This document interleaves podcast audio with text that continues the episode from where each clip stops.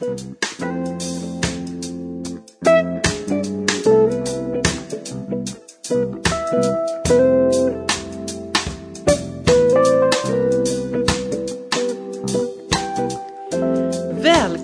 till avsnitt 26 av Sångarpodden. Avsnittet spelades in i juni 2020. Hon är en av grundarna av vokalgruppen The Real Group. Hennes klara, ekvilibristiska sopranröst har hyllats över hela världen. Hon rör sig mellan genrer och gillar att arbeta med olika artister i olika konstellationer. Vi väntar på Margareta Bengtsson.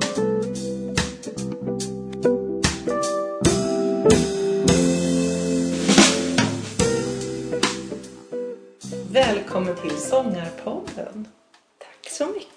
Vad roligt att du är här. Ja, men det tycker jag med. Mm. Det är jätteroligt. Margareta Bengtsson i Sångarpoddens soffa. Det är helt galet härligt. Ja, men det är jätteroligt att få Ja. vara med. Och kul att, att du är så intresserad. Ja. Liksom. Ja, men verkligen. Ja. Ja, men det tycker jag. Jag gillar, jag, jag tycker att det är, det är roligt med alla former av sång, eh, alla genrer och det är så intressant att rösten kan låta så himla olika. Ja, så att, visst är det. Och precis som livet självt. ja. ja. Alla olika färger som finns. Ja. Mm. Vi har ju liksom försnackat nu lite och kommit överens om att vi ska börja prata om, om nuet, kan vi säga.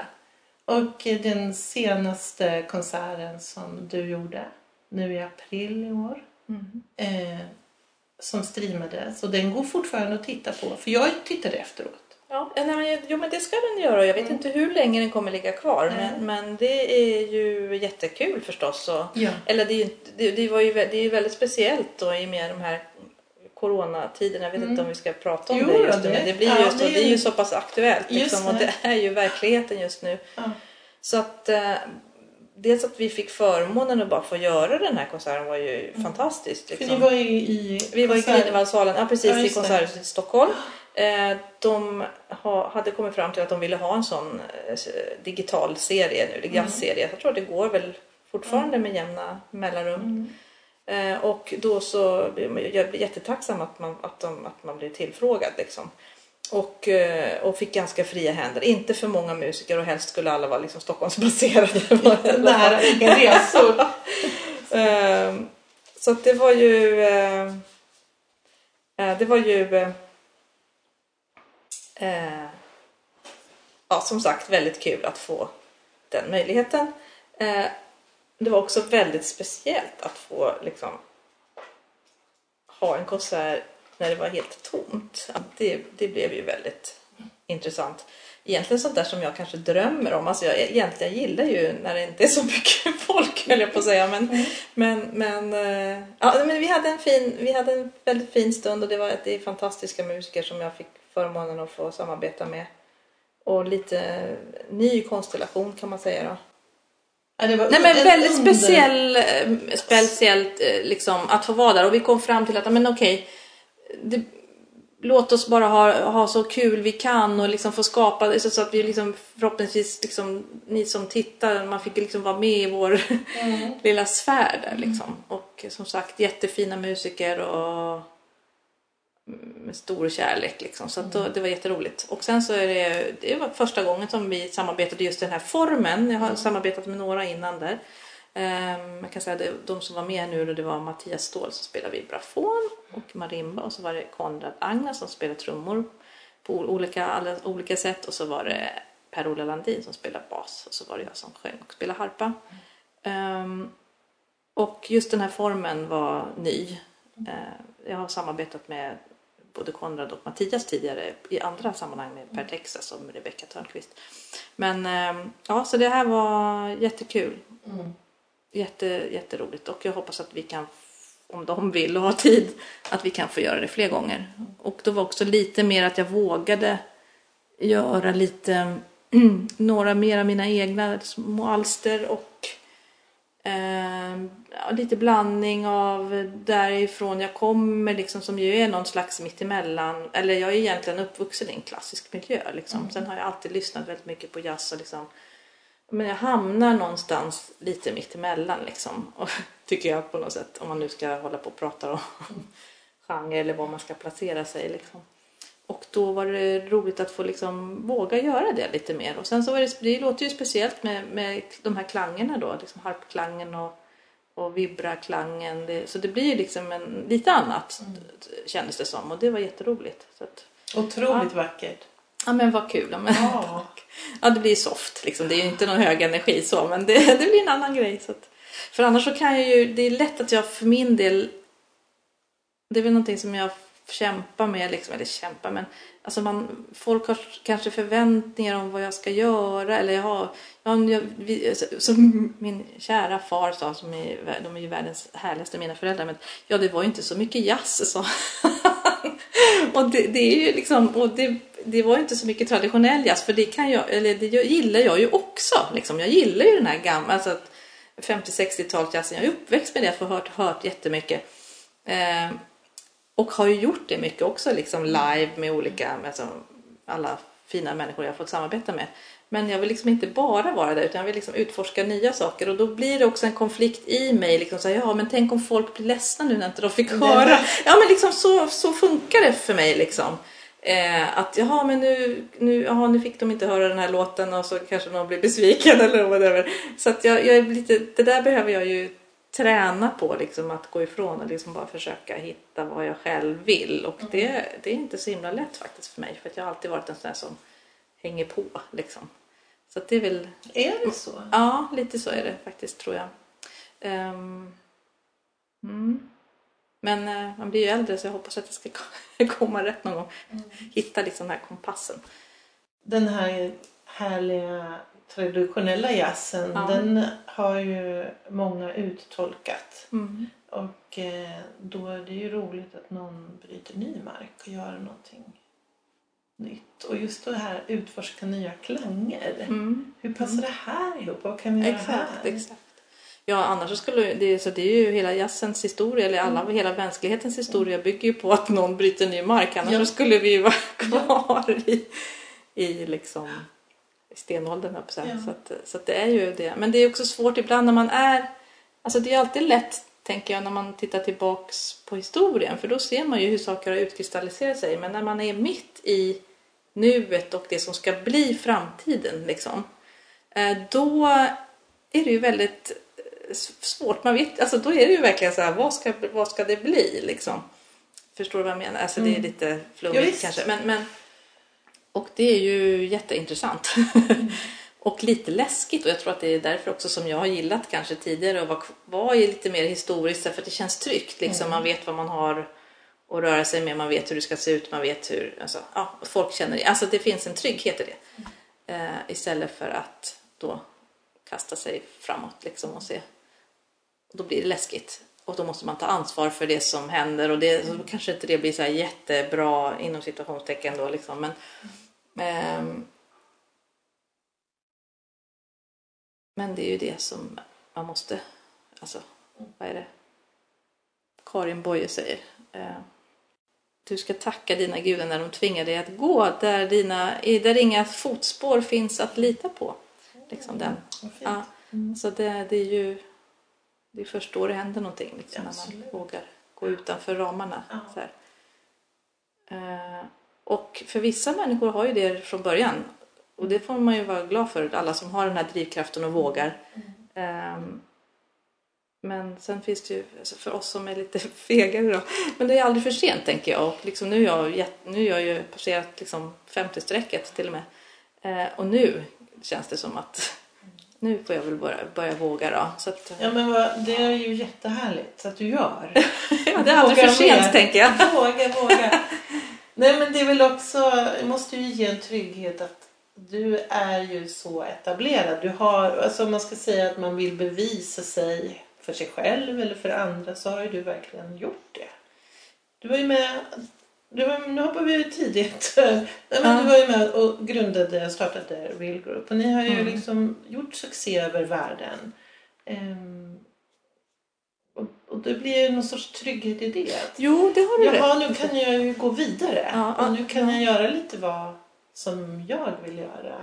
mer uttalat kanske. Jo men så kan det nog vara. Alltså, det är klart att man är ju otroligt tacksam för det som man har fått uppleva med liksom, i den ja, det som blev Bear Group och det som är och så, och så vidare. Så det är ju bara, när man tittar tillbaka på det så är det helt obegripligt liksom. Eller, eller inte, ja, men det, det är fantastiskt att på det sättet som vår karriär utvecklade sig så här kan jag tycka. Och det är ju tack vare många av mina fina kollegor såklart.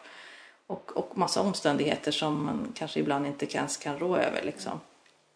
Eh, så att om inte jag hade fått uppleva det då kanske också naturligtvis det hade sett annorlunda ut för mig nu. Men det är precis som du säger. Så jag, visst, jag har fått vara här. Jag har fått, fått se de här fantastiska stora konserthusen. Alltså det är ju en ynnest liksom.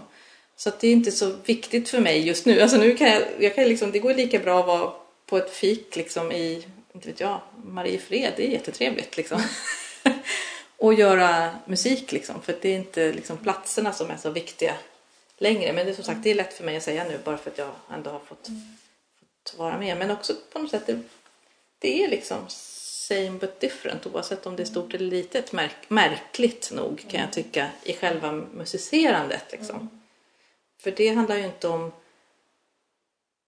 storlek på lokal. Eller i och för sig så kan det göra det när jag tänker efter för det har också med riktning och energi att göra såklart. Hur mycket man når ut och vad man ska ha för målarfärgspenslar. Om det är stor publik då måste man kanske ha en roller som jag pratar om, eller som tänker på ibland, liksom, att det måste vara tydligt och stort och liksom för att, för att, ja, för att man ska nå fram. Liksom. Medan man är i en liten lokal då kan man ju vara mycket, mycket mer detaljerad. Man kan ha liksom blyertspennor eller vad man ska kalla det för. På något vis, så kan jag tänka liksom. Så att där är det ju olika. Men samtidigt själva liksom musicerandet blir ju samma och, och det är nästan kan jag tycka om man blir nördig eh, att musicerandet i en väldigt liten lokal blir ännu mer liksom lyhört liksom. Och eh, jättespännande. I en stor lokal, kan, eller, stor, eller om det är utomhus till exempel, då liksom flyger ju liksom allting bort på något vis. Och då är det också lätt, tänker jag, att man tappar, tappar den här liksom, direktkontakten som man kan ha förhoppningsvis med sina medmusiker. Jag vet inte om du förstår vad jag menar. Men, men eh, ja, det där är jätteintressant tycker jag, liksom bara med hur man kommunicerar. Om det är stor eller liten lokal. Eh, vi pratade om sånggruppen. Sen var är vi? Jag vet inte. Nej men uh, vi skulle kunna prata lite om Real Group. För det, det som fascinerade mig var att ni fick en så fantastisk start. Ni var, alla ni var på Musikhögskolan. Ja, Gick ni, Fast vi gick, nej, alltså så här var det då att Ja. vi började på musik, alltså alla, vad ska jag säga, vi, vi hade ett förflutet i Adolf Fredriks musikklasser Mm. allihopa, fast i lite olika årgångar då. Så att det är ju också en sån grund som jag tror har präglat oss, Mm. som man är också väldigt tacksam för, liksom, om man nu gillar den här. Vissa, vissa tycker att det är jobbigt när man hamnar i samma form. Det vet jag också som folk som har gått på AF som känner sig lite instängda där. Liksom. Så, så kan det ju också vara, så att det får Ja. man ha respekt för. Men vi där alla som formade Real Group Mm. uppenbarligen var vi förtjusta i någon form av stämsång annars skulle vi inte ha fortsatt. Eh, Men så, liksom, så den grunden fick vi med oss. Mm. Eh, Och också då blev det ju ganska naturligt att, att, att relatera till liksom vår svenska körtradition och så vidare. Så det hade vi med oss liksom per automatik. Eh, och sen så började vi på Musikhögskolan då i olika faser. Liksom. Eh, så, och jag började på, på klassisk harpa. Så det var ju det som jag skulle bli då när jag började där. Via Södra-Latins gymnasium då. Eh, och Katarina, hon är den annan som inte liksom gick en, en sån här grundutbildning. Hon fick sin grundutbildning på Fasching kan jag säga verkligen. Hon, hon jobbade där. Och fick höra hur mycket musik som helst och sjöng mycket bluesband och hade egna projekt och så här, jättekul. Så att hon var liksom mera, kom från det hållet, vilket också är intressant. Och sen så hade vi Anders Edenroth som började på musiklärarlinjen och Peder Karlsson på musiklärarlinjen och Anders Kjellkeus började också på musiklärarlinjen. Så det var liksom... ehm, det fanns ett ämne på den tiden som hette ensemble på EG-nivå. Nu hoppas jag att jag kommer ihåg det här rätt. Mm. Du får ta hit någon annan sånggruppskamrat annars som kan Just det. Det var helt fel. Det alls här. Exakt. Nej men i alla fall. Och då så skulle de bilda någon form av ensemble vilken som helst. Och det brukar skojas om att de liksom inte hittade någon trummis i det här utan då tänkte de att vi sjunger istället. Så här. Ja men då behöver vi ju några som kan sjunga, skojar de också om då. Så här. Eh, och, och så då kände de Katarina. Eh, Anders Edroth kände Katarina sen tidigare då, eller vi kände egentligen alla kände till varandra mer eller mindre. Och eh, Peder och jag hade hängt lite så att vi kunde, så sa han, men jag, vet någon som kan sjunga, som har en hög röst liksom. Så, ja men visst, så att eh, och så, så, så skulle vi ses då en gång i veckan på den här obligatoriska lektionen. Så det var liksom så det ändå startade. Och också så ville de ju kolla, alltså det som tidigt bestämdes var ju att det skulle vara liksom egna arrangemang. Och det tror jag också var väldigt, väldigt viktigt liksom i vår tidiga utveckling. Att det blev direkt liksom någon slags eget sound. Vi hade ju alla jättemycket influenser via Swing and Singers och Singers Unlimited och Gals and Pass och alla sånggrupper, Manhattan Transfer, som var då före oss liksom. Men vi ville och det fanns många tryckar, så här swingelarr och sånt där, men det ville vi liksom ändå inte försöka. Vi tänkte, ja men okej, det ska vara egna arr och det kunde ju också ingå i deras utbildning som på musikhögskolan, eller på musiklärarlinjen.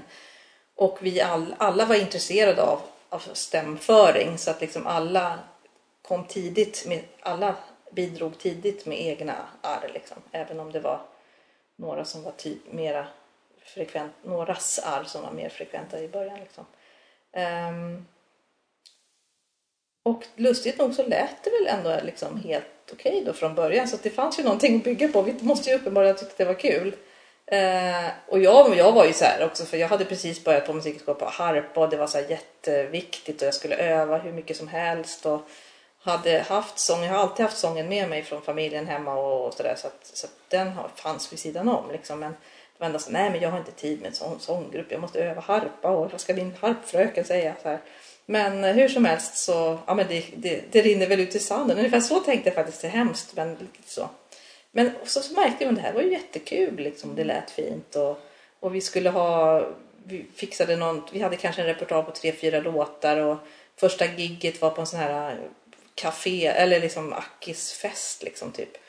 Och, och, det, och, så det, och det var jättekul när vi gjorde det där och folk så var glada och vi bara ha wow, liksom, ungefär så. Så minns jag det i alla fall. Sen, får du, så, sen kanske det finns andra eh, åsikter. Men, men, eh, så att det liksom började väldigt på något sätt i, i och för sig då att, de, att det fanns en liksom, vi måste göra något. Men ändå väldigt lustfyllt liksom och inga krav annat än att det, till de här lektionerna och att det skulle vara kul och eh, och inte några ambitioner direkt du vet med att nu ska vi bilda en grupp och vi ska vi hålla åka ut hela världen. Det fanns inte på kartan då utan det var liksom så allting växte fram.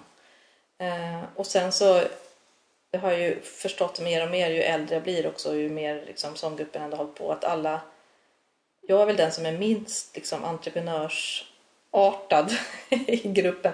Men det, fanns väldigt, det finns ju väldigt stor liksom, jätte, alla, alla andra kompisarna har ju jättebra på att nätverka, har bra minne, kommer ihåg vad folk heter. ja men liksom så. så här, jätteviktiga saker som gör att som, som är viktiga när man ska liksom bygga relationer och, och liksom och eh, och duktiga på att administrera. Liksom. Och sen så efter ett par år, eh, jo, jo det var så här också att våra föräldrar började fylla 50 år liksom. Vilket är jätteroligt när man själv har passerat 50 och man tyckte att alla ens mamma och pappa var asgamla.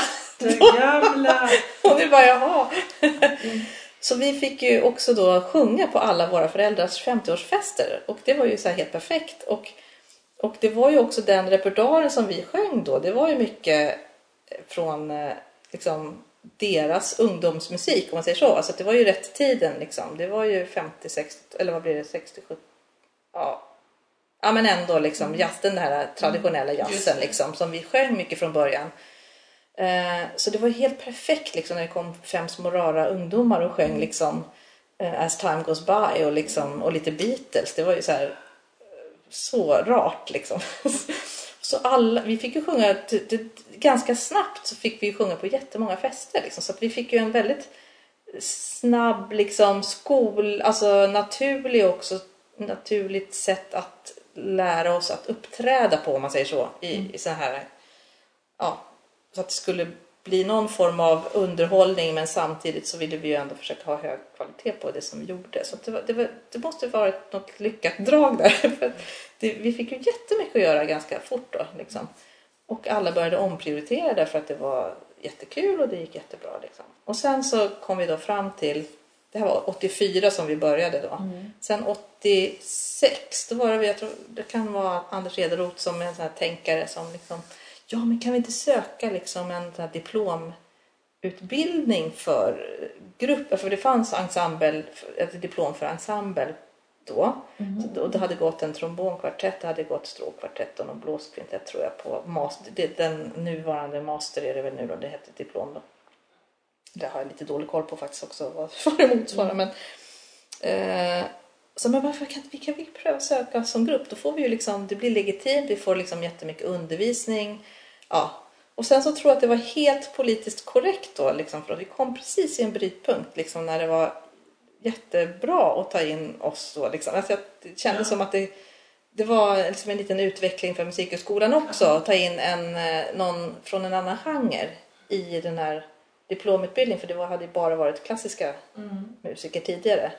Så att vi fick liksom chansen. Och, så de tog in oss efter att vi gjorde någon slags antagningsprov med de låtar som vi hade då säkert. Eh, och då fick vi också så här, det var otroligt generösa. Så vi fick liksom, ja men ni kan få ungefär, vad vill ni göra? Typ ungefär så. Mm. Så vi fick liksom skräddarsy vår utbildning själva. Det var helt fantastiskt. Så då valde vi att ta in flera olika lärare som liksom coachade oss. Och, och inte så många sångare faktiskt, utan det var mest instrumentalister som vi ville få input av. Mm. För att vi var ju också på den tiden väldigt präglade av att vi ville låta som ett band. Liksom. Vi ville mm. inte vara vi vill inte låta som en sånggrupp. Det är mm. alltid relativt förstås. Frågar du en bandmusiker så skulle de ju inte säga, då skulle de säga att det var uppenbart att det är en sånggrupp. Men, mm. men vi vill liksom komma ifrån det där på något mm. vis. Hitta vårt eget sound och liksom tänka det mera det var mycket jazz i början så att det var liksom, ja men Count Basie det var liksom storband, mm. det var liksom våran förebild typ. Så där vi lyssnade jättemycket på, mm. på instrumentalmusik och tog in då liksom, så vi hade Ove Lundin, mycket Bengt-Arne Wallin mm. hjälpte oss jättemycket. Eh, vi hade Svante Turesson, han är ju sångare i Frej och sen hade vi Island Östlund, trumläraren liksom. Så att vi skulle få in massa olika och Monica Dominik, nu kanske jag glömmer någon här men, så att, men ja, det menar jag inte. Mm. men eh, så att eh, så vi fick ju fantastiskt mycket input som sagt från olika håll. Som vi, vi hade till och med liksom en rörelselärare för att vi skulle kunna liksom så vi hade så kommunikationsövningar så att ordlöst för att vi skulle liksom känna in så att vi liksom vi nördade så fruktansvärt Men mycket alltså, i två år. Två år? Ja, precis. Och det är det som liksom byggde. Ja, och, vilken ja. grund! Ja, så det är det Oj. tror jag som liksom svetsade ja. oss samman ja. också då. Och så vi repar ju tre, fyra gånger i veckan då liksom mm. sådär då. Och sen hade vi så roligt också för att eh, också så här driftigheten hos mina kompisar, det är faktiskt roligt. Eh, då fanns det en, en damtoalett som ingen använde i ett av husen som nu har blivit rivna då. Men, eh, så var bara liksom ett låst utrymme med lite halvstökigt så här, så bara och så ja men här är det någon som är här nej så här, ja men kan inte vi få vara här och det var så här ja det kan väl det var liksom ingen som hade ställt frågan innan liksom så här jaha nej men visst så då så fick vi så flyttade vi in i den där damtoaletten det och, låter inte så glamoröst. Nej, nej, nej, det var det inte. Men det var ju alltså, men bara att få ett eget utrymme som ingen annan liksom kunde. så det var ju som ett eget övningsrum. Mm. Det är ju lyx för mm. jättemycket lyx för dagens studenter om man säger så. Liksom, för där får man alltid hålla på och boka. Det är jättejobbigt. Men det, då, då annekterade vi där toaletten. och satte till och med in typ ett kylskåp liksom. Katarinas rosa kylskåp liksom. Och, mm. och äh, och gjorde det till våra. Och så till och med vi fick sätta in, det fanns gamla pianon som bara stod också så här mm. i något hörn. Du vet, så, ja men är det någon som använder, alltså det är också det här, det här att liksom tänk, alltså bara så här, komma på saker som, mm. som finns men som inte folk tänker på. Så, ja, det står piano där, jaha, jaha, kanske någon säger, men jaha, men kan inte vi få använda det? Ja visst, säger jag, ja, jo, varför inte? Och sen säger jag, ja det finns pianostämmareutbildning. Ja, kan inte någon komma och öva och stämma det här pianot? Ja, men visst, jättebra. Så det blir så här, så små saker hela tiden mm. som gjorde att, liksom att och också hela tiden en lust och glädje i det där. Liksom. Så, att, så att det, var, det var, kändes väldigt lustfyllt. Till och med så att vi um, umgicks mycket också i början på den tiden. Så att om man kom för sent till exempel, då fick man så här poäng. Om man hade samlat ihop tillräckligt många poäng då fick man bjuda de andra på middag. Och det skulle vara så här supertjusig middag då hemma då, liksom, med, man skulle ha ansträngt sig jättemycket. Så, att, eh, så där blev det ju nästan en grej för till slut, det var så trevligt så det gjorde ingenting om man kom för sent liksom, för då fick jag...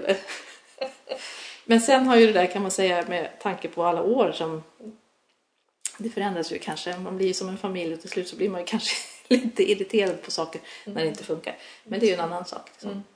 Men i början där så upplevde vi, min, min, mitt minne av att det, var, det mesta var liksom lustfyllt och så. Och sen väldigt nördigt och vi kunde liksom gå in, vi kunde öva.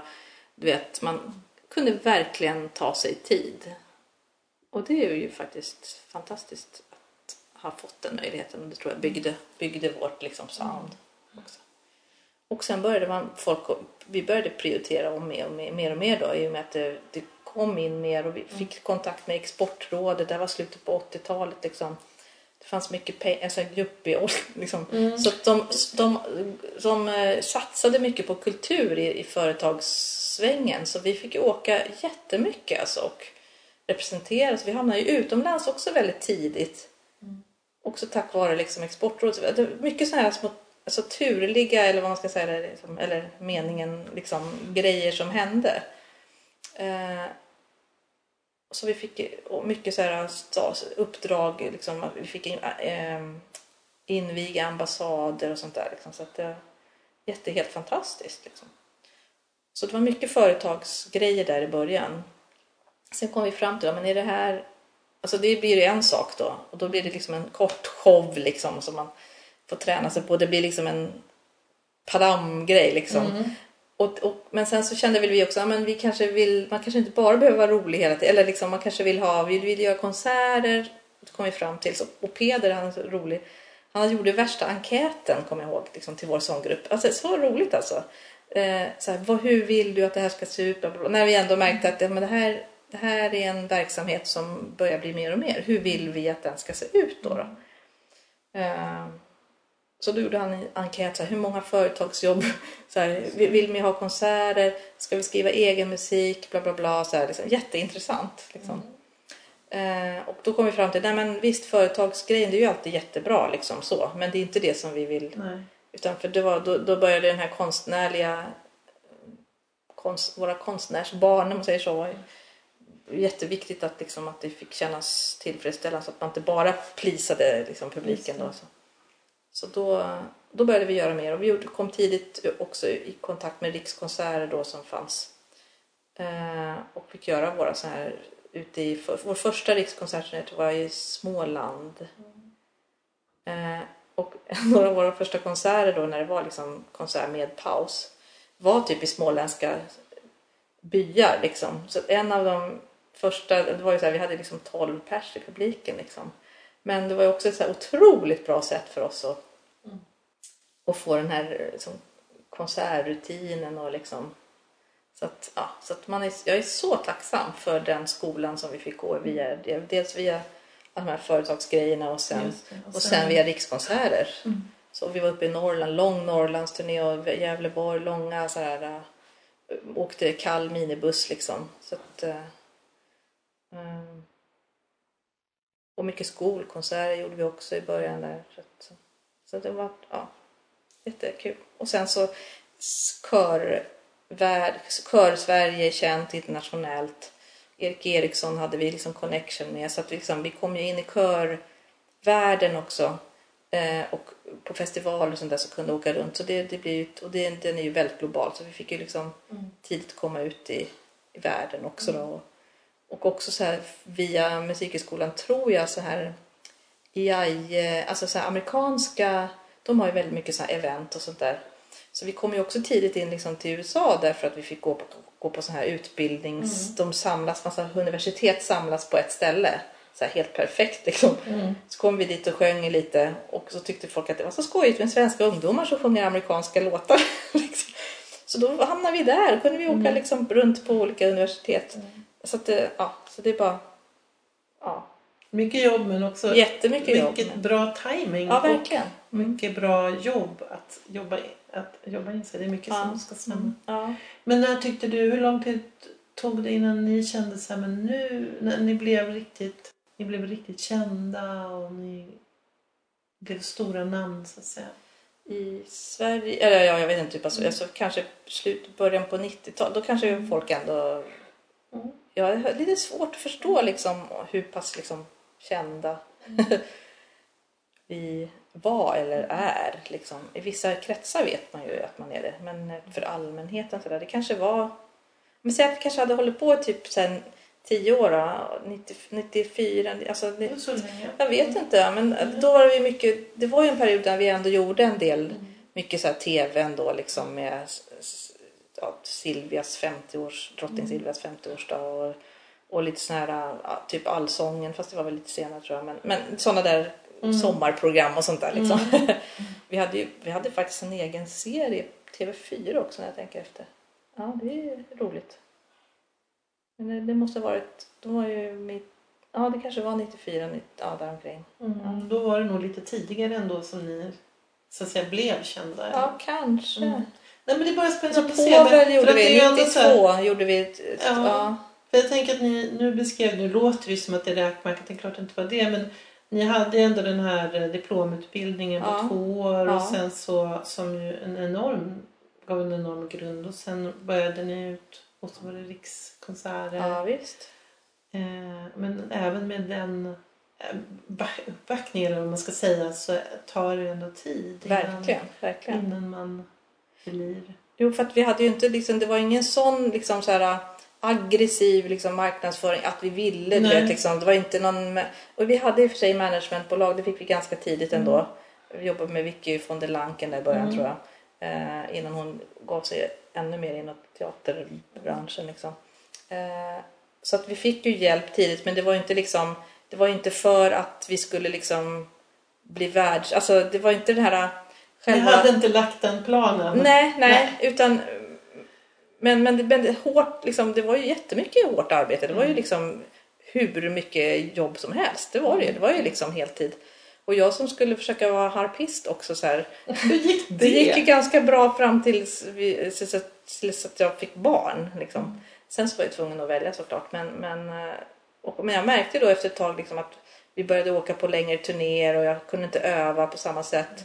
Jag kommer ihåg när första, första gången vi var en hopviktbar harpa? Ja men, ja, men alltså, jag kommer ihåg att jag skulle inviga den här eh, ambassaden i Tokyo. Mm. Eh, då skulle vi få vara där typ i tio dagar. Det var jätteroligt. Så fick vi bo där. Det var supertrevligt. Och så hade vi uppdrag då för eh, ambassadens räkning och så vidare. Så var det olika event. Eh, och då skulle jag ha någon kons- harpkonsert liksom, när jag kom hem. Jag tror det var liksom jag skulle ta min examen. Jag kommer inte ihåg riktigt om jag skulle söka någon diplom eller någonting sånt. Det gick ju inte förstås. Men hur som helst så Eh, och då var ju före, det var ju liksom på faxtiden. Och då var jag så här, shit jag måste ha en harpa som jag, jag måste öva här liksom, i, annars så kommer det inte gå för mig. Liksom. Så jag fick liksom skicka så här, hej Tokyo konserthus. Jag heter Margareta, kan jag få komma och öva på någon harpa någonstans? Liksom, så här, kan, vem, kan, vem kan hjälpa mig med det här? Jag måste hitta liksom. Och då så till slut så fick jag ta på någon. Ja, det finns en eh, österrikisk professor här som har en studio där och där, liksom ute någonstans i förorten i Tokyo. Ta kontakt med honom. Liksom, så, jättesnäll. Professor Molnar fick jag kontakt med. Ja visst, det går bra. Jag har liksom mina elever där och där och där. Men du kan komma och öva på morgonen eller när det nu var. Liksom, så här.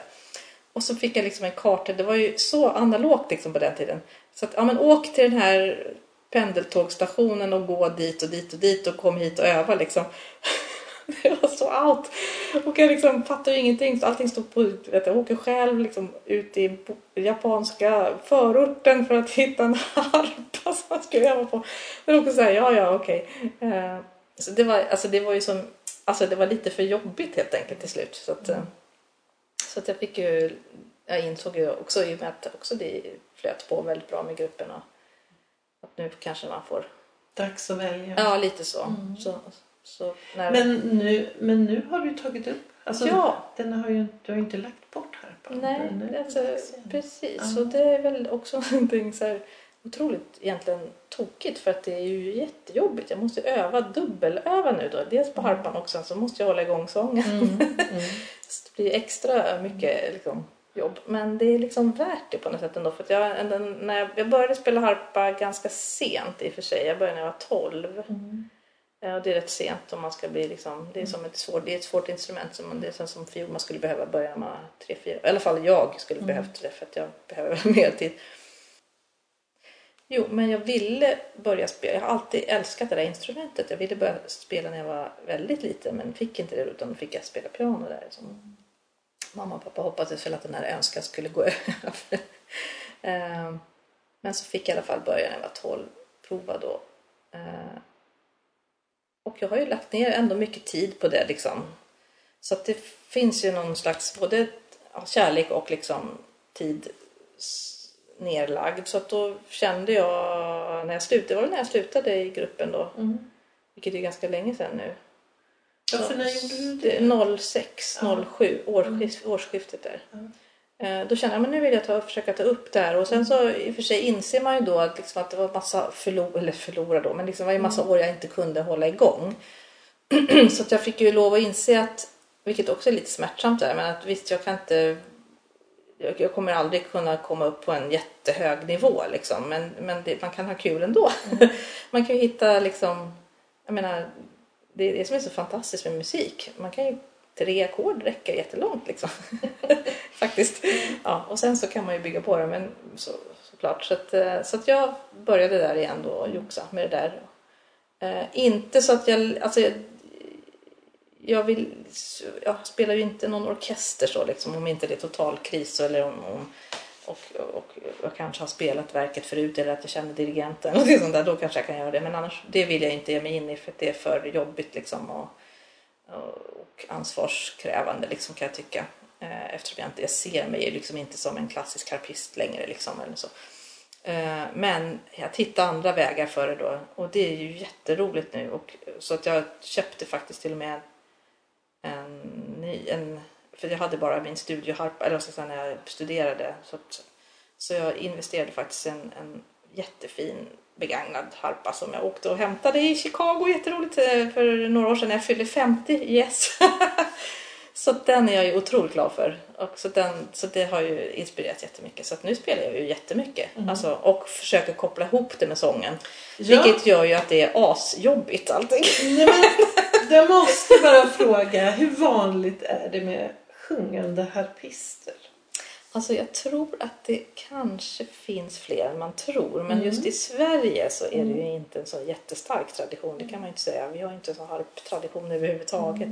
Men om man kanske går ner mot Irland där så finns det säkert massa Wales, tror, tror jag. För då är det kanske mindre harpor och så. Sen så vet jag min dotter är ju så roligt för hon spelar ju och sjunger också Ja. nu. Så här, mycket mer uppdaterad form. Så det är Ja. jätte, jättekul. Så hon har utbildat sig både, både sång och harpa. Liksom. Det är Men jättekul. oj vad det är roligt. Ja, ja, det är så roligt.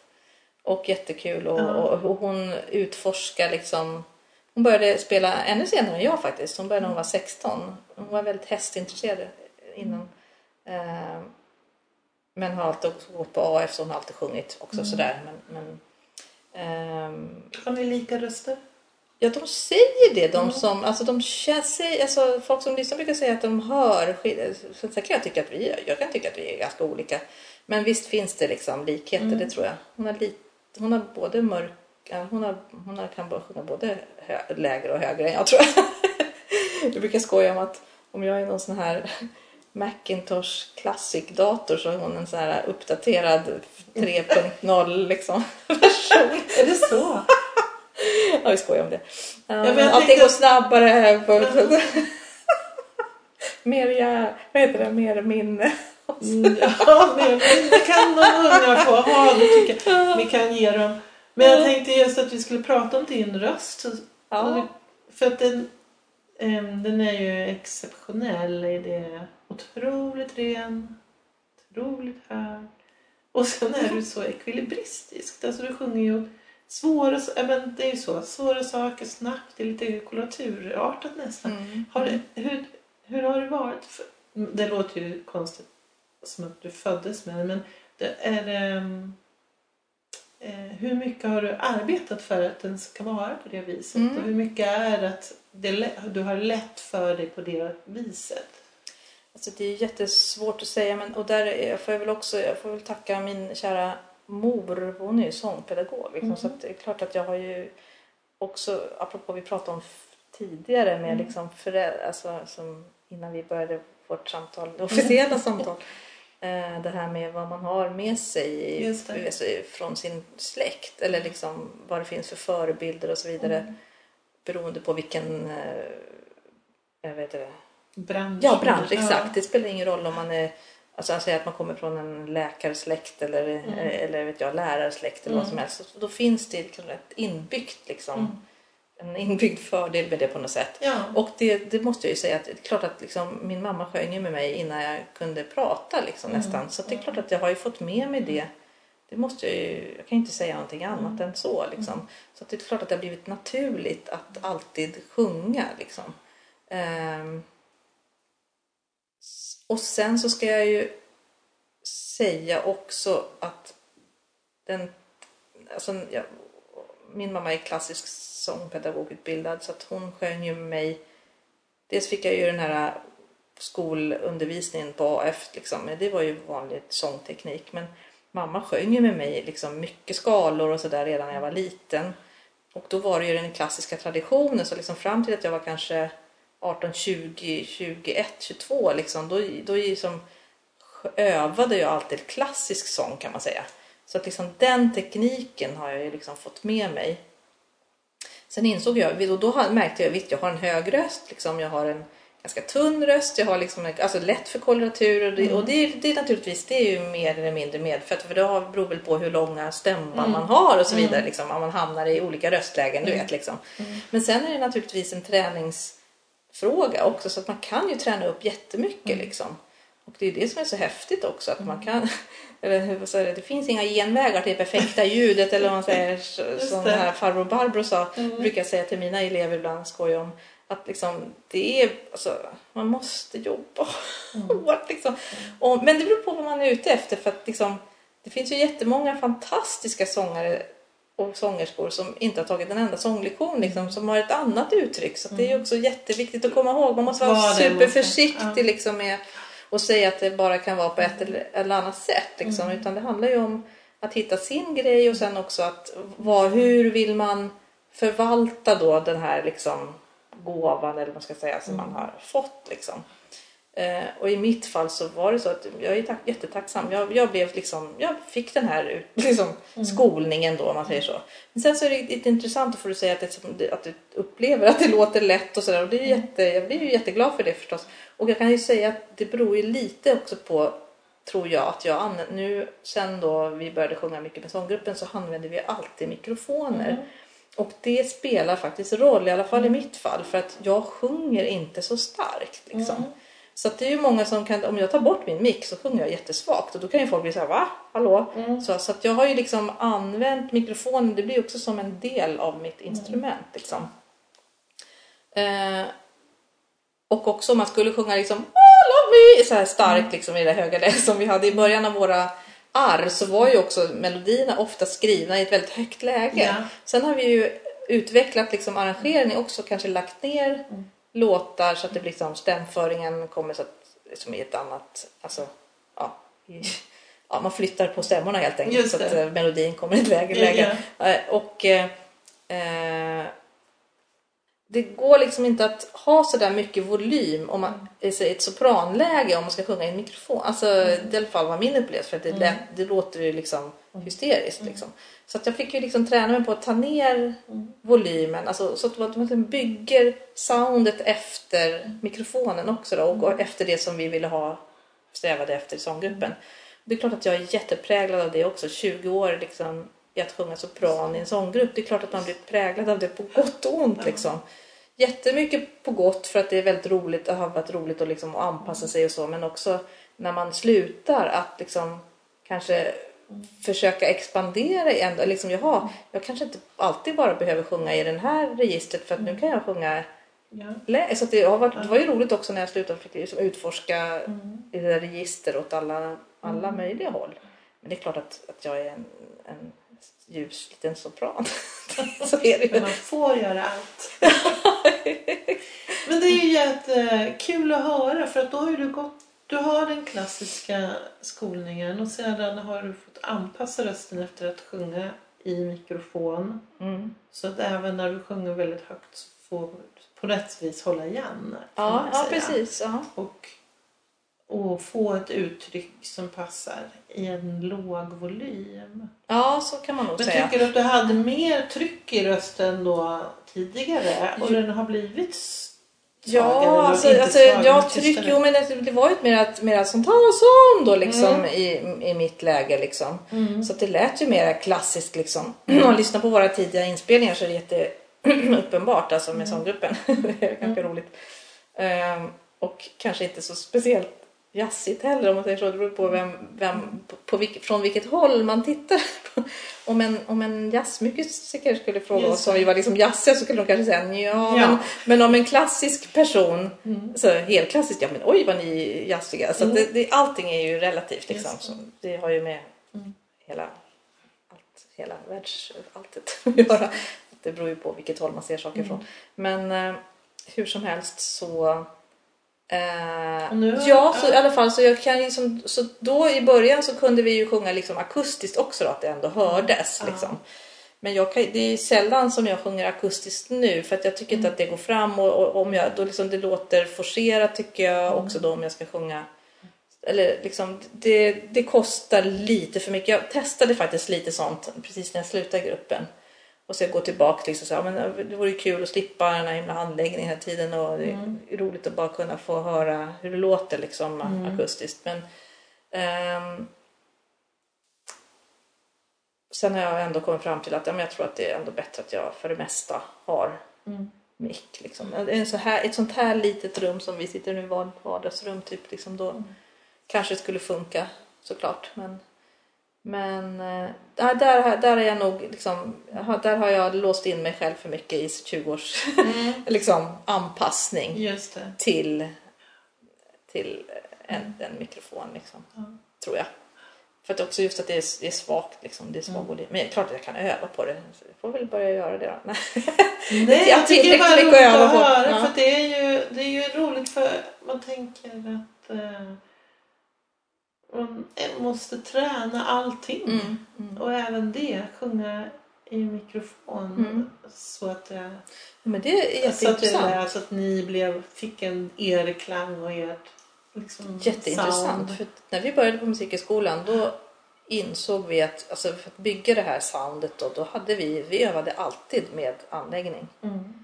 Eh, nu, tror jag att det, nu tror jag att de kanske varierar sig lite mer där också att det är för andra, andra typer av röster som är med i gruppen. Liksom, så då kanske, för att det ju, finns ju en styrka med att kunna sjunga akustiskt också såklart. Liksom. Eh, Men jag kommer också ihåg också när vi sjöng akustiskt när arren började utkristallisera sig mer och liksom låga basstämmor. Sjunger man lågt i basläge det hörs inte heller akustiskt. Liksom, så att, Ja, så att, eh, så att man liksom, vi byggde ju arren efter en förstärkning också. Så att därför insåg vi att vi måste ha, vi måste öva med anläggning också. Och också bara här i början, det vet ju kanske folk som har prövat att sjunga, om man sjunger mycket akustiskt så prövar man att sjunga i mikrofon för första gången. Mm. Och så kommer ljudet liksom från ett annat håll.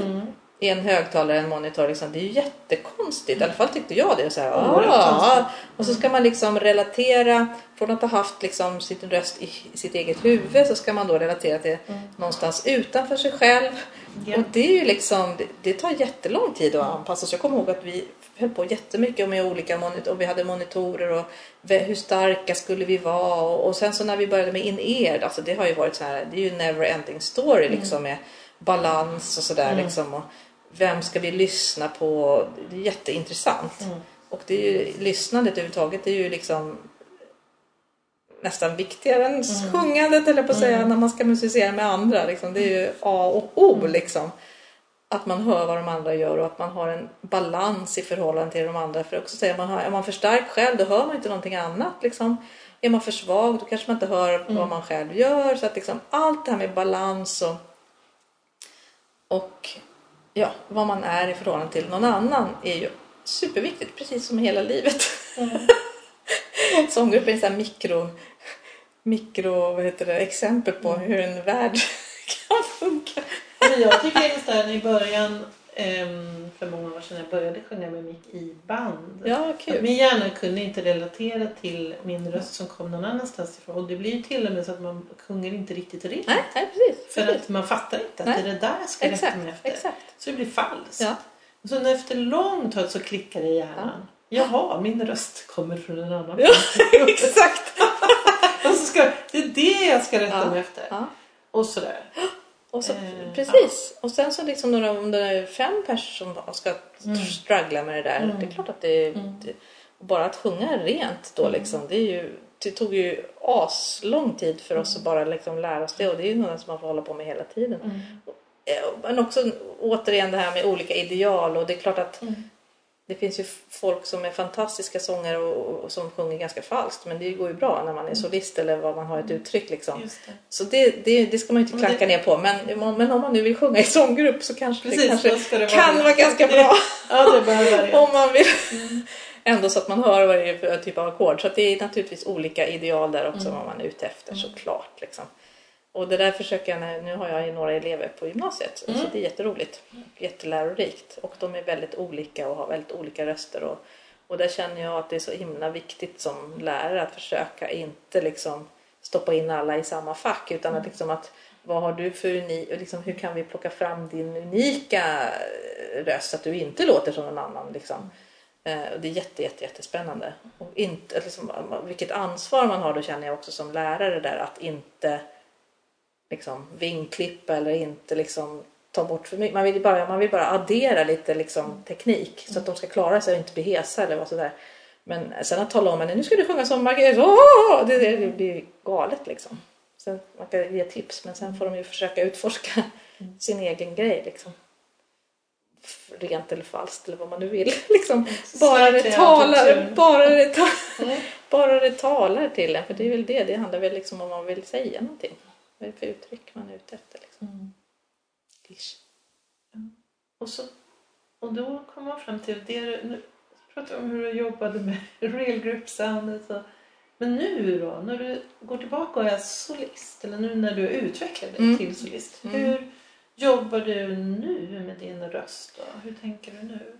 Ja men då tänker jag väl kanske att alltså, jag har ju tyckt att det var alltså från också det här med att Alltså det här är ju som att det känns som att man har en ständig utveckling. Det känns som att jag fortfarande går i jättemånga skolor. Liksom, Mm. så här, eh, som, jag är verkligen på väg hela tiden. Eh, när man var i gruppen så var det ju extremt viktigt att man skulle sjunga exakt likadant som alla andra. Mm. Sjunga liksom förhoppningsvis exakt liksom rätt ton och exakt på rätt ställe. Och bla bla bla. Det blir väldigt liksom fyrkantigt. Fast på ett ändå, eh, i vårt fall, alltså det var väl så vi liksom kom fram till att vi skulle göra för att det skulle kunna låta okej. Ehm, eh, och då betyder det att man hade liksom piano som referens. Liksom, för vi hade ju ingen, alltså när det var a cappella, det är jättejobbigt. Man måste ju försöka hålla pitchen själv och allting. Så att det är extremt stora krav. Liksom. Och också med, med både time och liksom, skulle vi försöka etablera själva då. Så det är klart att det blev en, ett typ av tänk där. Och sen när jag slutade då, då var det så här, åh, det är någon annan som, alltså det är ett piano, vad bra. Jag behöver liksom inte sjunga hela tiden. För, för, för det första, jag behöver inte sjunga hela tiden. Jag kan ta paus, bara det. Så här, paus är också musik, ja vad roligt. Alltså massa sådana här självklara insikter som ändå man var så präglad av att man var så styrd av det, det instrumentet som man var i liksom, i gruppen. Eh, Så bara det, ha, någon annan spelar, jag kan vara tyst, fantastiskt. Jag behöver inte tänka exakt på vilken tonhöjd det är. Och det kanske finns en trumma som håller takten åt mig. Vad bra, då kan jag ju liksom börja förhålla mig till det här. Det finns en referens, jag behöver inte vara referensen hela tiden. Och det har varit superroligt och jätteintressant. Alltså okej, jag kan sjunga ah, det gör ingenting liksom. Gjorde jag det med sånggruppen då bara ah, alla började åka. Alltså det går ju inte liksom. Nej. Eller klart att det går men ja, du förstår, det, det är inte samma grej liksom. Mm. Så bara det där att liksom tulla på och också liksom att jag kan sjunga lite halvsläpigt och det kommer jag ihåg, vi hade så olika uppfattning, eller har olika uppfattningar om timing och sådär Mm. apropå nörderi liksom, i gruppen. Att man kan ju förhålla sig till ett puls på tusen miljoner olika sätt. Liksom. Och det finns inget rätt och det fel utan det är tycke och smak och så vidare. Men, men det blir ju ändå, vi var ju tvungna att bestämma oss för var vi ville försöka ligga i den här pulsen. Liksom. Så bara det nu också, ja men okej nu kan jag sjunga så släpigt och ingen behöver bry sig. liksom. Så släpigt sjunger jag inte i alla fall. Men jag är väl på näsan ändå. Men, men, ja, men det där är ju super, super, super intressant. Och det tror jag också att vissa där har jag väl kanske varit lite feg också då, men ändå man, man gör väl som man gör. Och det här med att jag pratar om att man målar med pensl, pens, olika penslar och tjocklek på penslar och mycket, eller lite färg och, och det är ju olika smaker i det också då. Um, och om jag tänker så här, sånggruppen var extremt, det var liksom skjutmåtts liksom nyansering. Så att vi kunde tycka att vi gjorde en jättestor grej, ah, fast liksom ingen annan märkte det, men vi tyckte att det liksom så. Och sen så här om jag skulle göra ah, när det spelar en trumma, det är ingen som hör överhuvudtaget. Så man måste liksom, där måste man ju upp ett snäpp eller mm. två snäpp eller tre snäpp liksom. Yeah. Så det var ju också en stor utmaning för mig i början. Nu måste jag försöka matcha det här liksom. Och jag kanske har lägre energi. Jag, har inte jätte, jag är inte jättehög energimänniska liksom. Mm. Hur ska jag då liksom kunna möta upp när det plötsligt kommer wow liksom. Mm. För att jag ville ju vara ändå i den här traditionella jazzen i början för det hade jag en stark längtan till. Liksom. Mm. Så där, det var ju dit jag sökte mig mm. först. Liksom. Mm. Spela de här gamla låtarna som är liksom, med liksom, band och det, det, hade jag längtat efter. Eh, så då hamnar jag i den miljön och då hamnar man i och för sig också då kanske i föreställningar om att jaha nu måste jag ju sjunga så här, nu måste jag låta så här och bla bla bla. Mm. Därför att jag kanske inte var så säker i mig själv liksom, eller inte vågade utmana. Så det är klart att där hamnar man ju också då i någon mm. slags föreställning om någon slags ideal eller inte vet jag. Mm. Liksom. Men otroligt intressant så att jag började utforska då i alla fall för att försöka svara på din fråga. Eh, att inte sjunga i time. Mm. Att inte sjunga, alltså inte sjunga det, men liksom att mm. det var inte så farligt. Mm. Jag var så här super, oj, oj, oj, jag sjöng falskt liksom så här, så kunde det vara tidigare. Men okej, okay, ja, men det var väl inte så farligt. Liksom. Mm. så att den, och där tror jag man är olika som person. Jag är en person som, alltså min hela personlighet är då liksom att det ska vara på ett visst, eller liksom att man är tränad att så här, lite duktig flicka och sådär liksom. Mm. Så att komma ur det då, det har ju, kommer jag väl aldrig göra kanske, men, men att hitta någon väg mm. till utveckling därifrån där jag kom då. Mm. Det har varit jätteintressant och det håller jag ju på med fortfarande då. Mm. Och där får man ju jättemycket roliga impulser då av de musiker som man ja. hänger med. Liksom. Ja. Man får impulser och så. Ja. För du jag jobbar och jag har jobbat med massa olika mm. artister som ju inte bara kan kallas ackompanjatörer utan artister i sig. Verkligen, verkligen. Och det är, och det är jätteinspirerande. jätteinspirerande. Ja. Och där tycker jag, jag har inte något himla starkt behov av att jag måste vara liksom någon slags skär, eller så här, för då skulle jag ju kanske inte varit med i en sån grupp heller. Utan alltså, det är inte så viktigt för mig att liksom, wow, liksom mm. vara synlig och, och fronta. Jag är ganska blyg, jag gillar inte att fronta liksom. Men, där är det ju så Margareta Bengtsson ja, ja. Det är ju inte något av de nej. andras namn. Nej, men nej, fast jag försöker ju ändå hela tiden, alltså nu i nya, nya fall så försöker jag ändå säga att ja, det är jätteviktigt vilka jag spelar med för att jag tycker det är så viktigt med interaktionen liksom. Mm. Eh, och just de impuls, vilket visst kanske inte är så bra för karriären, jag ska kalla för. Men det är inte så viktigt utan det viktiga är liksom, mm. vad har jag för kommunikation med de här personerna liksom. Och då är jag, mycket, jag tror att jag är mer musiker än sångerska där mm. faktiskt. Jag, jag, hamnar i musiker liksom. Mm. Med min bakgrund som harpist. Alltså jag tycker om instrument, jag tycker om samspel. Det, det är inte så viktigt att det, att det behöver vara flashigt liksom. Men kanske för en, en tänkt publik att det blir som ett varumärke för du har ett annat sätt du har en annan profil, det blir en annan klang kanske. Ja, än, kanske. Så att man måste, som, det blir som en varudeklaration. Gå och lyssna på jazz med Margareta Bengtsson, då kommer det att vara ungefär. Ja, ja jo, kanske, ja precis. Ja. Som den här otroligt fina konserten på Konserthuset. Om du, om du tyckte, ja men om du tyckte, för men just det. Det rekommenderar jag till alla ja, att lyssna på det. ja, vad roligt. Fint. Vad roligt. Mm. Ja, nej men eh, Nej men det där är intressant och där får jag väl gå till någon coach eller någonting så här, och prata om liksom varumärke eller vad är det? Så här, jag har lite svårt att se vem jag är utifrån liksom. Mm. Och nu kan jag säga det, jag har, jag har inga problem med att säga det men jag har också haft en period när jag blev överansträngd så att jag varit liksom sjukskriven ett år. Mm. drygt. Och Ett år sedan nu. Ja, Ja. februari liksom. Så när det blev alldeles för mycket och jag insåg att nu går det inte längre så jag var tvungen att ta en jättepaus. Och mådde, mådde jättedåligt i det och liksom har men fått jättebra hjälp.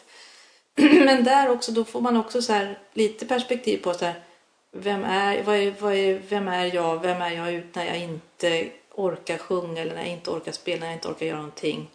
Liksom, vad, vem är jag då? Liksom? Och, den, och, och vad, hur ser folk på mig då utifrån? Liksom, det där, det där, jag, jag, har inte koll på det riktigt så.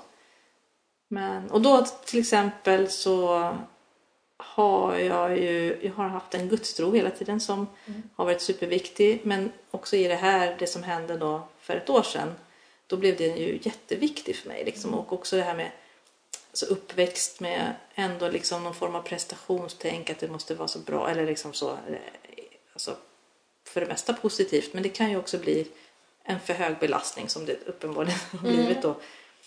Och att man är, att man är en människa liksom i sig själv. Man behöver inte prestera hela tiden. Och det har jag ju behövt träna på nu. Liksom. Och också då har min gudstro hjälpt mig. Okej, okay, okej Gud, du tycker om mig som jag är. Jag kan liksom andas ut, tack och lov. Liksom. Det finns hjälp. Även om jag inte orkar någonting så vet jag att du... Alltså, extremt liksom, barnatro har jag liksom levt på det här året. Att bara du håller mig i handen. Liksom. Jag är inte ensam. Det, och det har varit jättestor hjälp. Och då blir det liksom plötsligt inte så himla viktigt längre liksom med så här, vem är jag nu, den här arti- eller är jag någon artist eller är jag musiker eller vad är jag liksom? Och, och jag är väl, och nu är jag liksom på väg tillbaks från den här sjukskrivningen och det fortfarande blir trött och när vi pratar nu så blir jag lite trött ibland. Ja, det klipper vi bort. Ja, det är jättebra. Eh, Men också var, var eh, hur ja, hur, ska min, hur ska min framtid se ut då liksom i det här? Jag tycker ju om då som sagt det här interagerandet med, med, med, musikerna liksom och, och, och kanske också just har insett att men, okej, jag är nog mer musiker än liksom artist, liksom, tror jag. Jag tror det. Och i början när jag slutade då kanske jag ville vara mer artist liksom. Eller nu vill jag göra solokarriär. Nu vill jag försöka ta plats. Och det är också så här personlighetsutveckling naturligtvis. Ja. Jag tror man går liksom runt, runt, runt. Det är någon slags klocka. Man börjar och så kommer man... Eller kan man buffla lite åt det hållet Ja, lite det ja. för att hitta det här Ja. rätt... men- nu har jag hamnat Ja, men som exakt. jag vill. Och och jag så tror- gör man aldrig det. Nej, nej precis. Men och att det får vara själva process, alltså sökandeprocessen, liksom, att det kan få vara så. Det är otroligt häftigt om det inte blir cementerat, tänker jag. Liksom. Men det är klart att det kan bli otydligt för publik. Och så, vad håller de på med nu? Eller vad har hänt nu? Eller så. Men det får man strunta alltså, komma runt de här varven då. Men också så här, vilket jag också trodde förut, som jag kanske också har släppt nu. Ett tag så trodde jag precis efter jag hade slutat gruppen, då hade jag 20% ansvar liksom. Vi är fem stycken. Och nu ska jag plötsligt, när jag blev liksom egen då, solist eller artist, ska jag ta liksom 100% ansvar för det här liksom. Och, och då tror jag också att jag kanske blev lite så här, trodde att jag skulle behöva täcka upp liksom för mina kompisar på något sätt. Liksom, alltså som att det var mitt, min referens var ju ändå liksom sånggruppen då liksom att jaha, man måste vara lite rolig, man måste vara liksom, man ska vara ekvilibristisk, man ska helst kunna sjunga både högt och lågt eller liksom, ja, men, alltså, så jag trodde att jag behövde ta hela liksom sånggruppsansvaret, speciellt i början när, när folk som kom och lyssnade på mig ändå fortfarande kanske var sånggruppspublik liksom. Ja. Så det blir så lite skevt därför att jag helt klart att jag inte kan göra det. det är så jag måste ju hitta min grej då och då kan inte jag vara, jag kan inte vara alla färgerna även om jag vill expandera för det är ju det är roligt att få så många färger som möjligt. Så tänker jag liksom med utveckling och man har en palett som man målar med, liksom musikalisk palett. Och får man fler färger, ja nu kunde jag blanda lila, vad roligt, det har jag inte kunnat förut. Ja, men liksom, Fast sen kanske man kommer fram till då, okej nu har jag målat med lila ett tag, det kanske inte blev till det. Det kanske inte var jättebra. Men jag fick pröva liksom. Och då kanske man tar bort, nu blir det så tre färger i taget. Eller ja men alltså så att det, som, att det får vara så och den här, och då är det väl lite kanske, det kan jag tänka mig när man som ungdom eller liksom i början av en karriär, då kanske man håller på med det också. Kan liksom vara kanske ganska bred och vill hålla på med, så säger jag till mina gymnasieelever, pröva, pröva liksom allt som ni, så kanske ni så småningom kan utkristallisera, utkristallisera sig vilken riktning man vill gå. Eller, ehm, men att det inte är så farligt om det blir lite tokigt liksom då i början. Prö- testa och gör ingenting om man ramlar, men upp igen och så vidare. För du kanske inte märks så mycket när man är 20. Men sen, så för min del, och så, ska jag liksom göra någon slags ny etablerad karriär när jag är liksom 30, när var 40 liksom. Eh, Då har man inte liksom, eller det är ju bara mitt eget huvud, men då inbillar jag mig att då har man inte samma chans att liksom testa och misslyckas för att man ska liksom leva upp till någonting liksom. Så att, eh, men då tänker jag att, men okej, om jag låtsas att jag skulle vara 20 nu, då är jag fortfarande i någon slags utbildning. alltså, man måste få misslyckas, annars utvecklas Ja, man inte, eller hur? Det är en konstnärlig liksom... Ja, absolut. Och sen tänker jag, kan man inte tänka projekt? Ja men så är det ju nu ändå Ja. tycker jag. liksom, För jag jobbar ju liksom med olika människor och tycker att det är Exakt. jätteintressant. Jag jobbar ju mycket med Mattias Algotsson på Ja. Du och, så, och så sen spelar jag mycket med Elise Einarsdotter, Ja. jättefint liksom. Och en annan, annan färg. Eh, och med Mattias är det jättekul för att det kan bli vad som helst och Mm. det är jätteroligt. Det går inte att repa för att vi liksom bara hittar på saker. det är jätte, jätteroligt. Och Elise då är det mest hennes jättefina musik och då, liksom, då blir det en annan, liten annan färg i det och det är jätteroligt för mig. Och sen så, så roligt här nu då på senare år innan jag, precis innan jag blev sjuk här, då har det ju varit då har jag kör, alltså, jag, alltså det är en helt annan färg, det är så himla roligt med Rebecca Törnqvist. Just det. Och ni har fått jättemycket alltså, beröm. Ja, alltså det, är, för, det är hennes, naturligtvis Ja. hennes projekt men det är så himla kul för då har jag liksom varit med i det bandet och spelat mest. Men körat lite och det är liksom så andra färger. Jag, jag har inte de färgerna överhuvudtaget liksom, men det är så himla kul att få vara med liksom i den sfären och jag behöver inte ta liksom jättemycket ansvar heller utan då är jag liksom med i bandet och det är jätte, jätte, jätteroligt. Och sen hennes man Per Texas då som jag också har varit med nu på den senaste skivinspelningen. Också helt andra färger liksom. Så roligt. Då spelar jag ju bara. Så otroligt nice. Och bara, jag behöver inte ens sjunga upp mig idag när jag ska gå på det här giget. Liksom. Så jätte, jätteroligt liksom att slippa tänka på det. Och, eh, och också då har ju de spelat, eller Per och Rebecca har ju spelat mycket med Konrad Agnes som spelar trummor nu då, och Mattias Ståhl som spelar vibra i det här nya projektet då som jag så tänkte att det vore så himla kul bara att få testa det då med den färgerna. Så att liksom det ena ger det andra lite där. Men sen har jag ju också samarbetat med, med så Bengt Forsberg, jätteroligt liksom fina klassiska musiker, Cecilia Siljakus och Kati Raitanen. Så jätteroligt liksom, en helt annan färg. Och då hamnar jag också, alltså så jag tycker det är så himla roligt att vara liksom i olika miljöer. Sen så ska man ju bara hantera det liksom. Men då blir det också projektvis. Ja. Men det tar ju fruktansvärt mycket energi, uppenbarligen, eftersom jag då... Så förra året or- jag orkar ju inte med det, för det blir för mycket jobb för varje grej. Ja. Liksom. Men då kanske det är det snarare, att veta vad, vad, vad är jobbmängden? Ja, precis. Och vad mina och gränserna och säga, Mm. våga säga, sätta gränser. Liksom. Och, men sen så tycker jag, så tycker jag att jag behöver öva mycket, så att liksom, det är mycket förberedelse för mig. Där är jag ju ganska präglad ändå liksom, av min uppväxt, att man ska alltid vara jätteväl förberedd och sådär. Liksom. Så att, eh, jag ska bara säga också, jag spelar ju jättemycket med min brorsa också. Han är ju flöjtist. Han är ju klassisk flöjtist och eh, så att vi har ju alltid musicerat mycket Mm. Just ihop. Så, att vi- så vi har ju också våra projekt som Ja. kommer då och då Ja. när, det, när det är läge. Liksom. Och där, det, där har man ju alltid, liksom, det är alltid jättekul att spela med, med honom även om vi bråkar väldigt mycket för att vi är syskon. Men, men så, det har man med sig. Liksom. Mm. Han är, han är också så här rolig som spelar med olika folk. Han sitter i Filharmonin, är soloflöjtist där och sen så spelar han med Bau och liksom, alltså han gör ju massa grejer. Så att vi är väl lite, vi är väl lite, heter det, knasiga båda två, gör lite olika grejer. Kul. Det är roligt. Ja. Mm. Det ena ger det andra så brukar jag säga också. Mm. Eh, Men jag beundrar sådana som kan verkligen nörda in bara på en grej. Liksom så att jag tänker en barockviolinist till exempel. Det är otroligt häftigt. Jag gillar ju att lyssna på så här. Söndagsmorgon har ju så här, P2 har ju tidig musik. Och när de så här så nördiga liksom har bara, håller bara på med det här. Och det blir liksom så genuint. Och så, men jag, jag tror att jag skulle inte klara av det. Det skulle bli för... Ja, jag är nog för rastlös eller uh, nyfiken själv för liksom att vara kvar i en grej. Mm. Så det är därför man håller på med massa olika saker. Mm. gissar. Lite så här framtidsspaning då. Har du något så här projekt eller så någonting som du skulle vilja göra men som ännu inte har blivit av? Mm.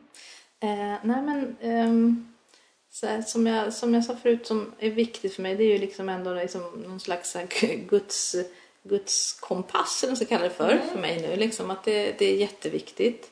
Eh, så att jag tror att jag skulle, alltså det, dels bara så här, Gud vad vill du att jag ska göra? och sen eh, men jag vet att jag skulle vilja skriva mer musik. Det är så här som jag det har jag sagt i jättemånga år men det är jag också lite, så här, lite feg för men, men det skulle jag vilja göra. Och jag skulle vilja se om det går att få mer jobb med det här projektet som var i Grünewaldsalen för det tyckte jag var fint. Ja. Eh, men sen eh, eh, jag skulle vilja hitta en form, kanske, kanske gå något mer liksom in i kyrkvärlden fast liksom inte helt bara för att det, det, det, det skulle också bli jobbigt. Men liksom hitta ett projekt som kanske kan väva ihop det som är min historia nu då. Liksom. Det låter ju otroligt flummigt, jag har ingen konkret. Så. Men, men, och sen fortsätta att samarbeta med de som jag trivs med som inte tar för mycket energi. Eller jag, jag kanske ska inse att jag inte ska göra för många så här lösa projekt. För att det, det, det, och det är tråkigt för jag har ju tyckt sånt är kul. Vet, man, man hänger på någon som ja vi gör det här, jättemycket jobb för en konsert liksom. Men det, och det kanske det är typ av negativt men, men det kanske jag måste träna mig på att liksom lära mig när jag ska säga nej liksom. För att jag inte orkar helt enkelt. Det är lite, det, man blir inte yngre faktiskt, det är bara så. Liksom. Så att eh, för, kanske försöka hitta några projekt som jag ändå liksom vill bygga vidare på. Då, då tror jag att det skulle vara kul att få öva sig på att skriva mer musik. Egentligen skulle jag vilja skriva så här symfonisk musik men det, skulle- för det har jag så här dröm om men det är lätt, väldigt lätt att säga och väldigt svårt att göra. Ehm, och sen eh, spela med min dotter skulle vara roligt då. Vi skulle ju haft ett gig här, ett första, vårt första duo-gig men det blev inställt.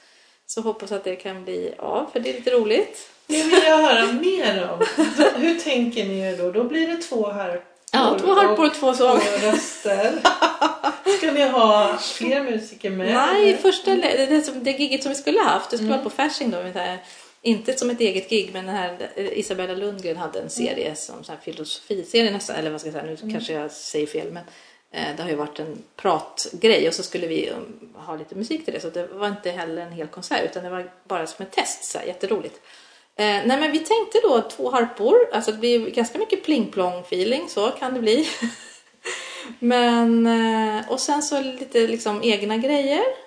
Och lite, när, nu när vi såg så här och kollade lite på det i alla fall, då blev det lite så här, då var det allt från Ja, det var liksom lite Ravel och det var lite egna, hon skriver jättehäftig musik. Eh, och så att jag ska bara försöka lära mig alla hennes svåra patterns från gamla så här, speciella patterns. Så att jag får ju lägga mig på en nivå som passar mig. Men det, det kan vi ju turas om då. Vi, vi tar olika grejer. Och sen så lite, ja men liksom eh, mitt, vår mittemellan musik liksom på två harpor och två. Alltså det bara själva konceptet är ju ganska udda liksom. Verkligen. det finns ju risk att det blir så här... Äh, jag på säga. Jag har inget emot dem för jag älskar faktiskt den typen av den genren också. Om ni, alltså, jag älskar ju liksom Alice Babs och hela, hela all, alla den här jättetidiga liksom. Så jag ska inte säga någonting om det. Men det, det skulle ju kunna bli liksom lätt så här, så här mor och dotter sjunger liksom terser. Vilket jag gärna gör faktiskt också. Men, jag älskar att sjunga terser med min dotter. Och eh, så för att det är så, ja men du fattar. Men eh, vad ska, vi ska bara hitta en form för det. Men det känns faktiskt jätteroligt. Så vi kommer nog göra i, faktiskt i princip vad som helst bara så vi tycker det är kul. Men ni måste ha ett bandnamn. Jaha, ja. Mm. Ingen. eh, harporna får vi heta. Nej, Så positivt. jag vet inte. Ja. ja, det får vi fundera på. Mm. Det är också spännande om hon kunde komma till den här konstellationen som var i Grünewaldsalen. Ja, du menar två harpor och Ja, precis. Men jag tänker också precis, att det är det var väldigt liksom, vacker klang och sådär med vibrafonen. Och, Ja, mm. Jag, ska, det, det, jag skulle också kunna tänka mig att utöka den kanske med någon, någon synt eller liksom flum, mera flumljud eller någon blåsare. Liksom. Mm. alla som blir intervjuade i Sångarpodden får komma, får det stora nöjet att komma med ett tips till lyssnarna.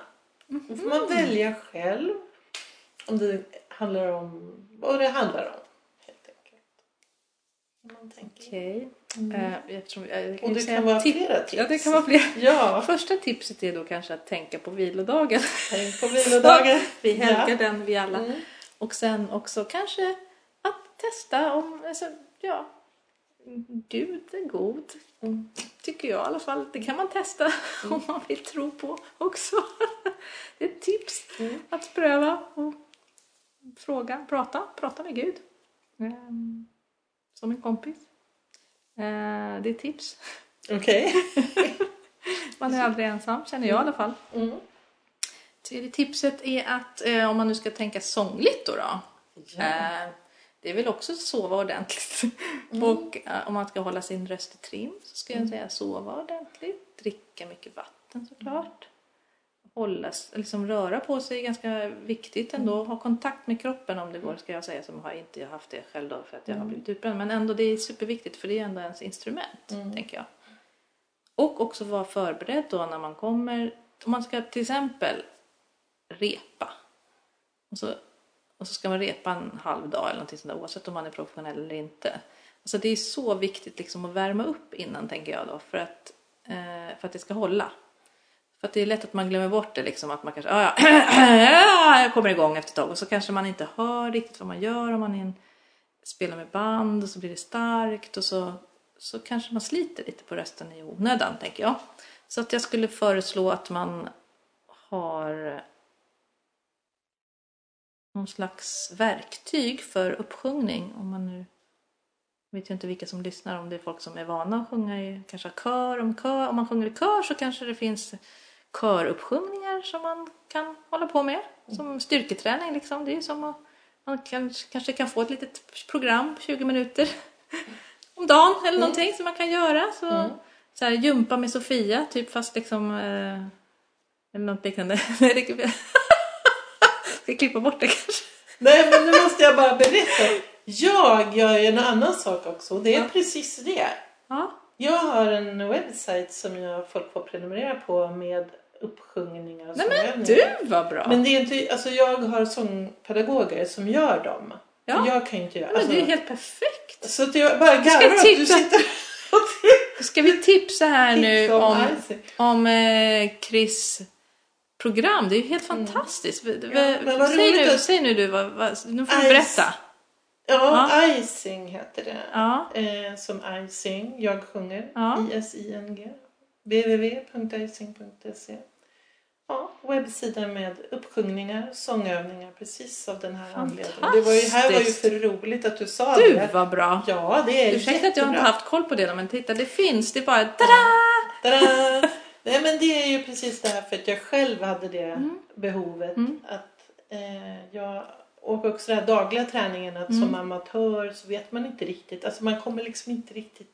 Man gör inte som man gör när man är hos sångpedagog. Nej nej, det eller är jättesvårt. Ja precis. Man går och här, till slut kanske man bara sjunger i duschen. Ja så här. exakt. Så men herregud. Och så, ja, så kom jag på den idén. Så nu samarbetar jag med tre sångpedagoger som har samlat uppsjungningar och sångövningar. Du var bra. Ja, det är... Tips det, till alla som lyssnar på Sångarpodden. Yay! Yay. Ja men det är precis så för att också de elever som jag har i gymnasiet. Alltså det är också just det här att också det är ganska diffust liksom att öva just sång också för att det är så rakt ut i luften liksom. Och Man har man ett instrument som gör, det är lättare för mig att sätta mig och öva harpa till exempel för att det är så här konkret liksom. Det är så extremt tydligt. Att jag, sen är det klart att man ibland måste komma över själva liksom, kanske ett motstånd att, att sätta sig också om man inte orkar. För det är ju lite fysiskt jobbigt liksom, att, ö, sätta sig och öva. Men just i sången då så blir det ju extra så här ah, man liksom flyger runt i Ja. atmosfären typ liksom. Så att ju mer sådana här liksom, tydliga verktyg man kan få desto bättre är det. Så att det Ja, låter tror det. superbra. Och sen är det sådär, det, man, det som är en grej upplever jag, det är att det som vi har pratat om också, att det finns den klassiska skolningen Mm. och det finns jazzsångare, pop och rocksångare och så. Så att man har alla sina olika ideal. Exakt. Och här har vi en, tre olika sångpedagoger men eh, jag tänker att man blir ju inte skadad av, alltså en sak det är ju ungefär som att gå ut och jogga. Sen kanske du gör något annat även om det Exakt. inte passar alla exakt. Exakt, Så är det ändå också. bättre att Ja. göra en dagligt arbete. Det tror jag också. Det Ja. tror jag också. Också för att det ska bli hållbart. Det är ett Ja. populärt ord nu. Men liksom Mm. hållbarhet. Liksom, att man inte ska bli taskig i halsen eller sjuk. Eller, så får man de där Ja. muskelträningen. Liksom. Ja, jag tänkte på det för att många kompisar som sjunger i kör och så när det plötsligt är julkonserter, Mm. fem stycken på en helg, hur ska man, hur ska Ja, man ja. kunna göra det om man inte är i form? Exakt. Det funkar inte. Nej. Så att, eh, ja, det var lite så. Och sen också om man då till exempel har haft en paus. Mm. eh, Som om man behöver vila och sen så ska när man börja igen. Då ska man ju inte heller, det är ju ganska logiskt men ändå man kan bli på, glömma bort det när man blir ivrig för att man tycker att det är kul att börja sjunga igen. Att man inte börjar eller liksom med för långa perioder i början. För då orkar man ju inte heller. Utan Nej. kanske man kanske bara tar fem minuter första dagen och sen Mm. fem minuter gånger två andra dagen. Alltså uppdelat. Och Mm. sen så får man öka på liksom så att så man är väldigt försiktig där i Mm. en sta- uppstart. För det är väl samma också när man börjar jogga. Eller man, det är så Just himla lätt det. att man joggar och så får man ont i knät. Eller, alltså det, för Exakt. det, det, det, det byggs upp på olika sätt har jag Ja. förstått. Och jag tror att det är lite så Ja. med rösten också. Så man ska vara, försöka hitta någon plan där. Och Kanske- det måste vi göra som en tilläggsgrej faktiskt. det kanske är bra. Ja, ja, så. Vad det. bra att du sa. Nej men för att eh, jag har i perioder sprungit, just nu Ja. springer jag inte då, men när jag har gjort det så har jag hittat sån här from couch to 5k som är liksom från soffpotatis till att du ska kunna springa 5 kilometer. Men du, det där skulle jag... Men det är jättebra. Det finns så här. Och då är det just så att första, första passet då går man och sen så kanske du springer 60 sekunder. Ja, just det. Och mer Precis. är det inte. Nej, Det är exakt. första veckan. Ja. Sen så springer du 90 sekunder. Och eh, sådär. Och håller upp pulsen. Ja. Det är ju för att allting måste byggas Ja, på. Byggas upp. Och det är precis. senor och ledband och det är det ena med det andra. Exakt. Och det är också så man orkar för att det kan, det kan också bli så oöverstigligt kanske. Mm. Liksom, nu ska du börja, alltså för just det här med springning har jag så här lite dåligt själv... Alltså, att jag blir så här, jag, bara, jag blir andfådd bara jag tänker på att jag skulle liksom springa fem kilo. Alltså så att det blir Mm. Ja, så här oöverstigligt. Ah. Ja, nej men precis och då säger jag, men 60 sekunder det orkar jag liksom. Så att, ja, så det är jättebra. Jo, och så det är skönt att någon förstår att det är på den nivån Ja, det är. ja. Du kommer, det är det man klarar. Ja. Kanske. Och hjärtat slår. Nej men det, det är Ja. lite Ja, taget. roligt. Ett steg i taget. Vad roligt att höra. Och nu ska vi införa även uppstartsprogram där. Mm. Att vi kör väldigt korta. Och sen om man har sjungit mycket så kan man ju sjunga, eller ner, alltså bara så också jogga av sig det, om man säger så. Som ibland om jag har gjort uppsjungningsövningar med mina elever så, så, kan, så får de sjunga mm, det, är lite så här ner, Ja. nervarvning också. Det är väl också som med gympa, liksom, rörlighet och liksom Mm. så att man, ja, det är mycket som hänger ihop. Allting ihop. ja, Jättemycket. Ja men vad roligt. Vad roligt att ha varit och pratat med dig. tack Tack detsamma. för att du har kommit. Jätteroligt att få vara här och dela tankar med dig. Ja. Och några som lyssnar kanske.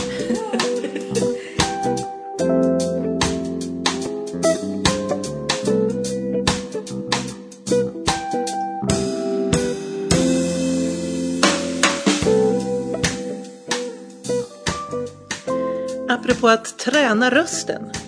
Om du också vill ha ett verktyg för att träna din sångröst, gå till icing.se icing.se Uppsjungningar och sångövningar i mobilen.